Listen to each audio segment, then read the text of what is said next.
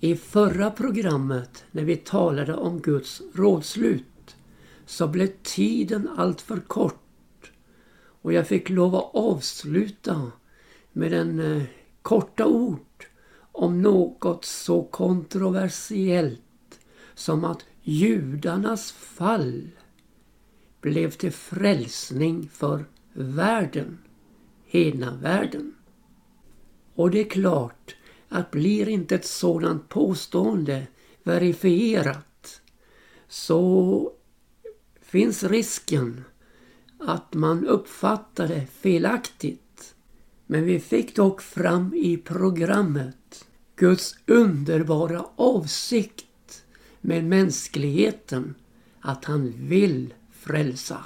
Frälsa det som var förlorat.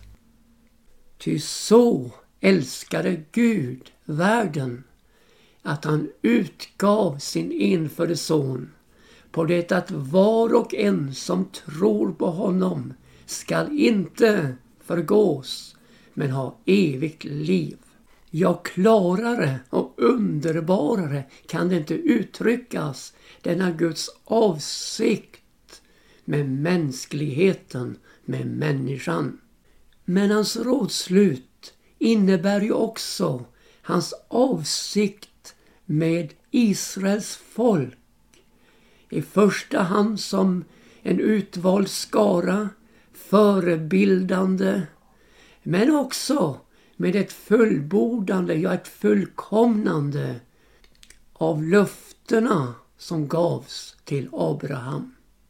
Som sedan förstärktes med Guds nådesförbund med David för att sedan till sist fullbordas med Jesus Kristus som Messias, Israels konung. Men så stannade det ju inte med det. Utan Gud hade ju också sin avsikt med hedna världen, med hedna folken. Och där nå dem med sin frälsningsbudskap evangelium, Guds kraft till frälsning för var och en som tror. Först och främst för juden, ja visst, men och för greken, alltså hedningen. Detta evangelium, detta enorma budskap om Jesus Kristus och hans frälsning. Ja, det var introduktionen till detta program.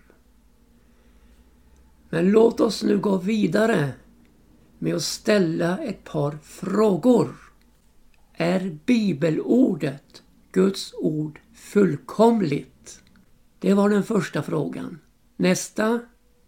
Är vårt predikande fullkomligt? Det var den andra frågan.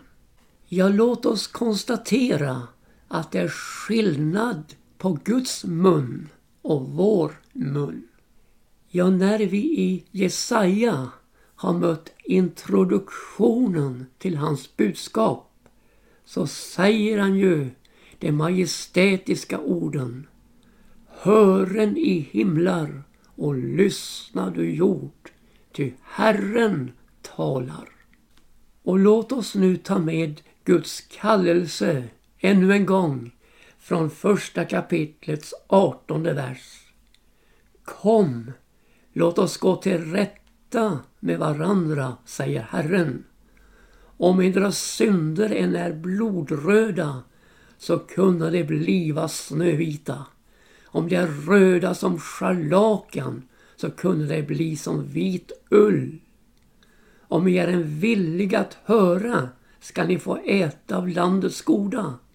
Men är ni ovilliga och gensträviga ska ni förtäras av svärd. Ty så har Herrens mun talat. Psalm 19 och 8 säger Herrens lag är utan brist och vederkvicker själen. Och så möter oss på flera ställen att Guds tal är ett luttrat tal. Alltså ett prövat tal. Du har det i psalm 12 och 7, psalm 18 och 31 och psalm 119, vers 140 och på andra ställen i Bibeln. Ja, det blir alltså i motsättning mot människors tal som väl prövas men inte håller måttet. Jesus säger i Johannes 6 och 63 Det ord som jag talar till er är ande och liv. Vidare säger han i Matteus 24 och 35 och likaså i Lukas 21 och 33. Himmel och jord skall förgås, men mina ord skall aldrig förgås. Ja, Jesu ord innehåller inte bara evigheten utan Jesu ord är eviga och därmed också fullkomliga. Vi har alltså med dessa få verser konstaterat att Guds ord är fullkomligt, utan brist och väl prövat. Och när vi här har tagit med från profeten Jesaja vad han talar från Herrens mun. Dessa enorma verser. Så är det ett fullkomligt tal. Men samme profet möter vi, alltså Jesaja, i hans sjätte kapitel där han uttrycker sin enorma brist då han säger Ve mig, jag förgås, ty jag orena läppar och jag bor ibland ett folk som har orena läppar. Hur är nu detta möjligt? Vad är hans blick fäst på? Jo, hans blick den är fäst på Gud, konungen Herren Sebaot. Han säger mina ögon har sett konungen, Herren Sebaot. Och i detta ljus, detta överväldigande ljus från konungen, Herren Sebaot, där uppenbaras profetens ställning. Och här är det inte bara dörrtrösklarnas fästen som darrar när ljudet om Guds helighet ljuder. I denna uppenbarelse av Gud. Utan jag förstår att hela hans väsen är omskakat. Och inte minst hans läppar darrar vid denna uppenbarelse, detta ljus denna helighet från Gud. Men hos Gud finns det alltid en lösning på det ohållbara och gör det hållbart. Det glödande kolet berör hans läppar och han får höra att när detta har berört dina läppar är din synd försonad och din missgärning är tagen ifrån dig. Och han får också höra Vem ska jag sända och vem vill vara vår budbärare? Och den omskakade profeten får fäste i Guds kallelse och svara sitt ja. Se, här är jag, sänd mig. Och så får vi delgett kapitel på kapitel av Guds uppenbarelse genom denne profet Jesaja. Jag vill också ta med Mose och hans kallelse från Gud vid den brinnande törnbusken. Där han får dra av sina egna skor Ty platsen där han står är helig mark. Ja, inför Guds uppenbarelse, inför Guds helighet måste du och jag dra av oss våra egna skor för att det ska bli möjligt att iföras det Bibeln talar om, beredvillighetens skor, att förkunna fridens evangelium. Medan våra egna skor har fört oss på våra egna vägar så vill dessa beredvillighetens skor som fridens evangelium giver leda oss på rätta vägar för Guds namns skull. Du förstår, vi får byta ut vårt eget mot hans. Byta ut våra egna planer mot Guds viljas väg i den kallelse han delger oss. Jo, Gud, han hade nogsamt sett sitt folks betryck i Egypten och nu vill han sända Mose som en befriare med befrielsens budskap om ett uttåg ur träldomslivet ut i den frihet och den underbara härlighet som landet som flyter av mjölk och honung erbjuder. Och då kallar han på denne man, Moses, som inom situation har levt ett lyckligt liv i palatsets omgivningar.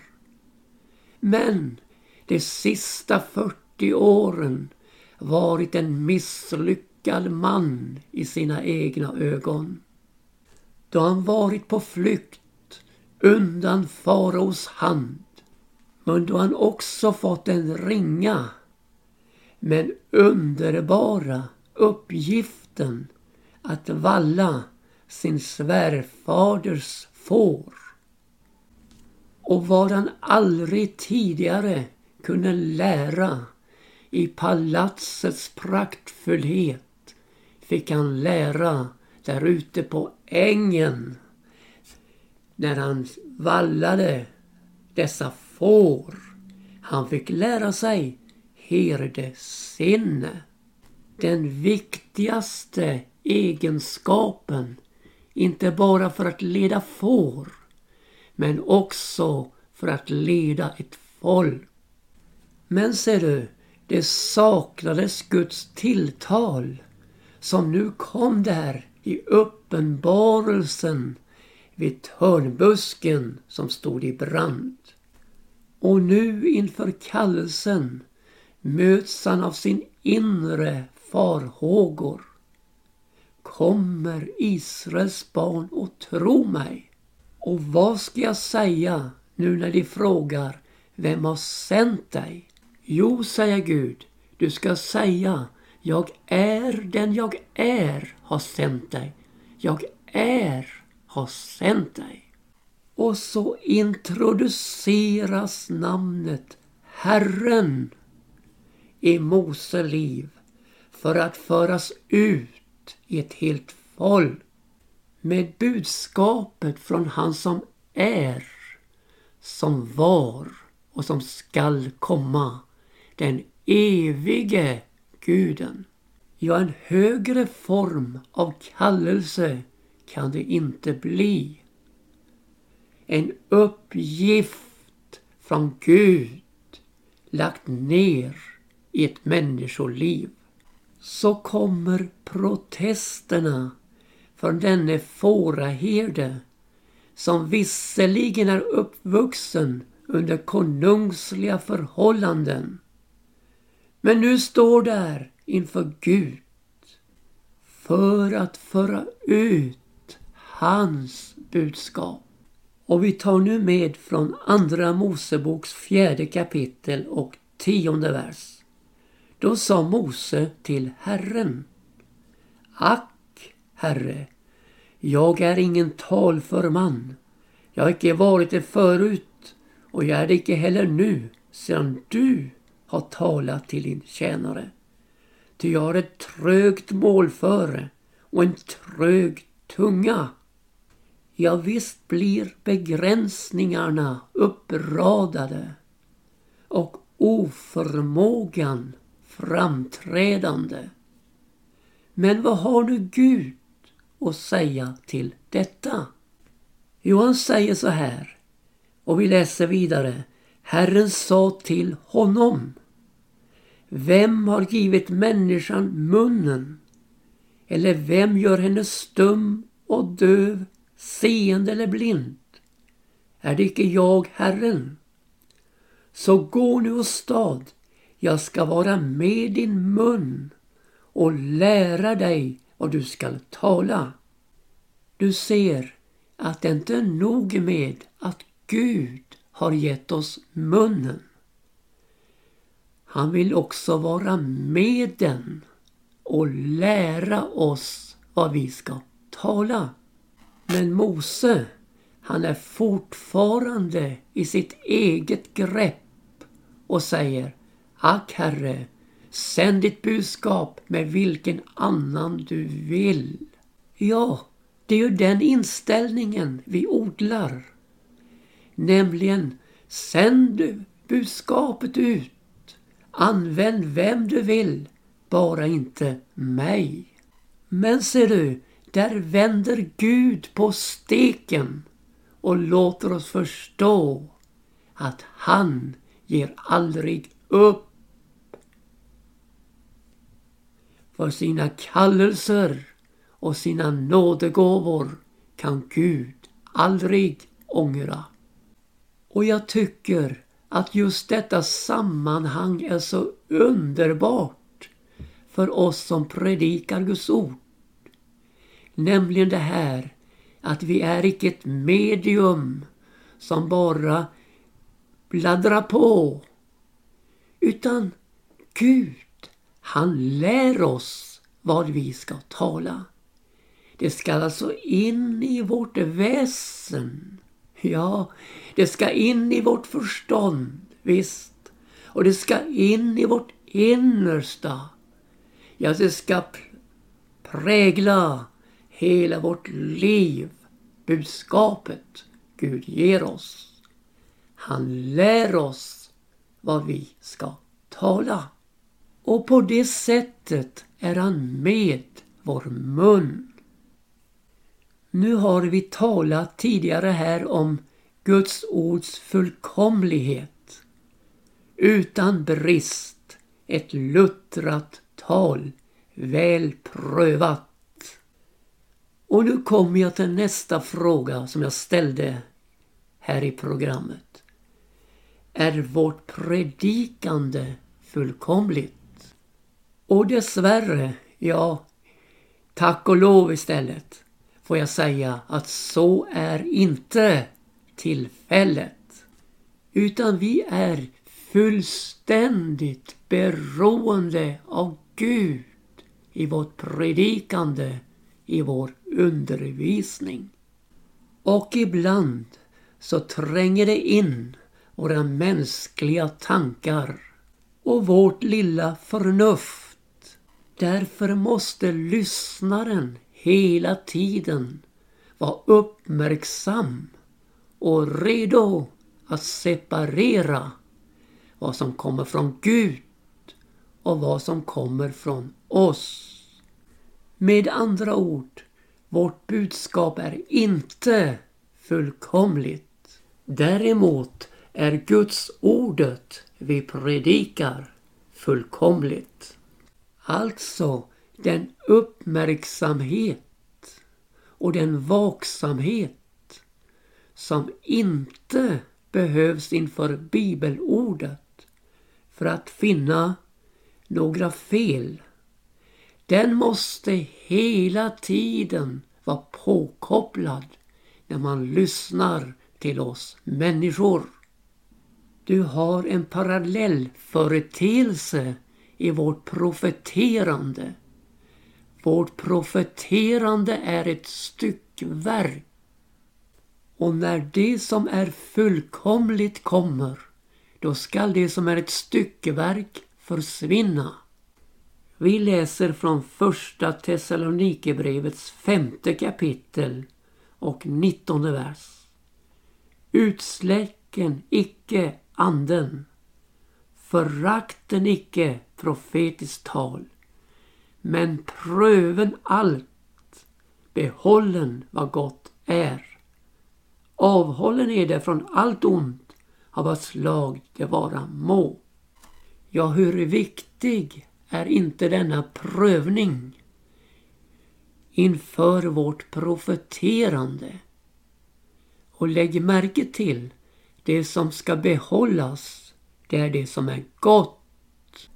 Alltså finns det plats för profeterandet i Guds församling.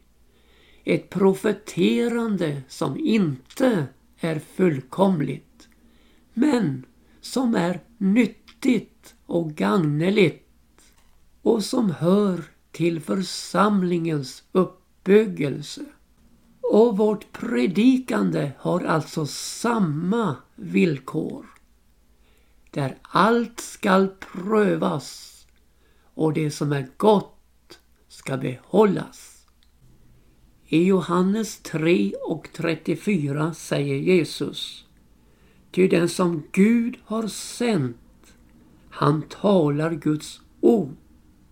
Och där har du alltså första steget i denna prövning av det som talas. Nämligen, talas det Guds ord eller är det något annat? Och nu vill jag ta med från Andra Timoteusbrevets fjärde kapitel, första vers. Jag uppmanar dig allvarligt inför Gud och Kristus Jesus, inför honom som ska döma levande och döda. Jag uppmanar dig vid hans tillkommelse och hans rike. Predika ordet. Träd upp i tid och otid. Bestraffa, tillrättavisa, förmana med allt tålamod och med undervisning i alla stycken. Ty den tid kommer då de icke längre skall fördraga den sunda läran utan efter sina egna begärelser ska samla åt sig lärare hoptals allt eftersom det kliar dem i öronen. En tid då de ska vända sina öron från sanningen och istället vända sig till fabler. Men du, var nykter i allting, bär ditt lidande, utför en evangelists verk, fullgör i allo vad som tillhör ditt ämbete. Predika ordet. Ja, ser du, programinslag kommer och går. Men det är alltid tid för en predikan. I tid och otid. Så är det från Guds sida och så bör det vara från vår sida. Ja, i vårt predikande blir det fullkomliga framburet av det ofullkomliga. Alltså det fullkomliga Guds ordet blir predikat av ofullkomliga människor. Och så, ja så har Gud bestämt att det ska vara. Det var inte änglavingar som skulle bära fram budskapet. Nej, det var fotsteg. Hur ljuvliga är icke fotstegen av de män som frambära gott budskap. Och även om vi nu lever i en ofullkomlig värld, ofullkomliga som vi är, så finns det dock en strävan, ja en medvetenhet, ett vandrande mot det fullkomliga. Vi fullkomnas. I det vi stiger från den ena härligheten till den andra, liksom den Herre verkar som själv är ande. Vår vandring här i livet får inte vara en vandring ned emot syndens träskmarker där vi sjunker djupt djupare och djupare i dyn utan måste vara en vandring upp emot ljusets höjder, ett närmande till Gud. Där vi upplever att den ena dagen är icke som gårdagen. Och vi upplever att frälsningen, den är oss nu närmare än då vi kommer till tro. Kärlekslågan till Jesus måste uppflammas och våra hjärtan behöver vidgas så vi kan ta in behovets barn och bära den fram på bönens armar inför Gud och bli till den välsignelse Gud har tänkt vi skulle bli. Ja, det ofullkomliga, det gör ju att vi får anledning att söka oss närmre och närmre till Gud hela tiden. För att han ska kunna hela de brister som finns och använda oss i sin tjänst mer och mer. Det är ju helt underbart att Gud kan använda ofullkomliga människor i sin tjänst. Ja, det änglarna inte fick lov till, det fick vi. Att predika evangelium om Jesus Kristus. Amen.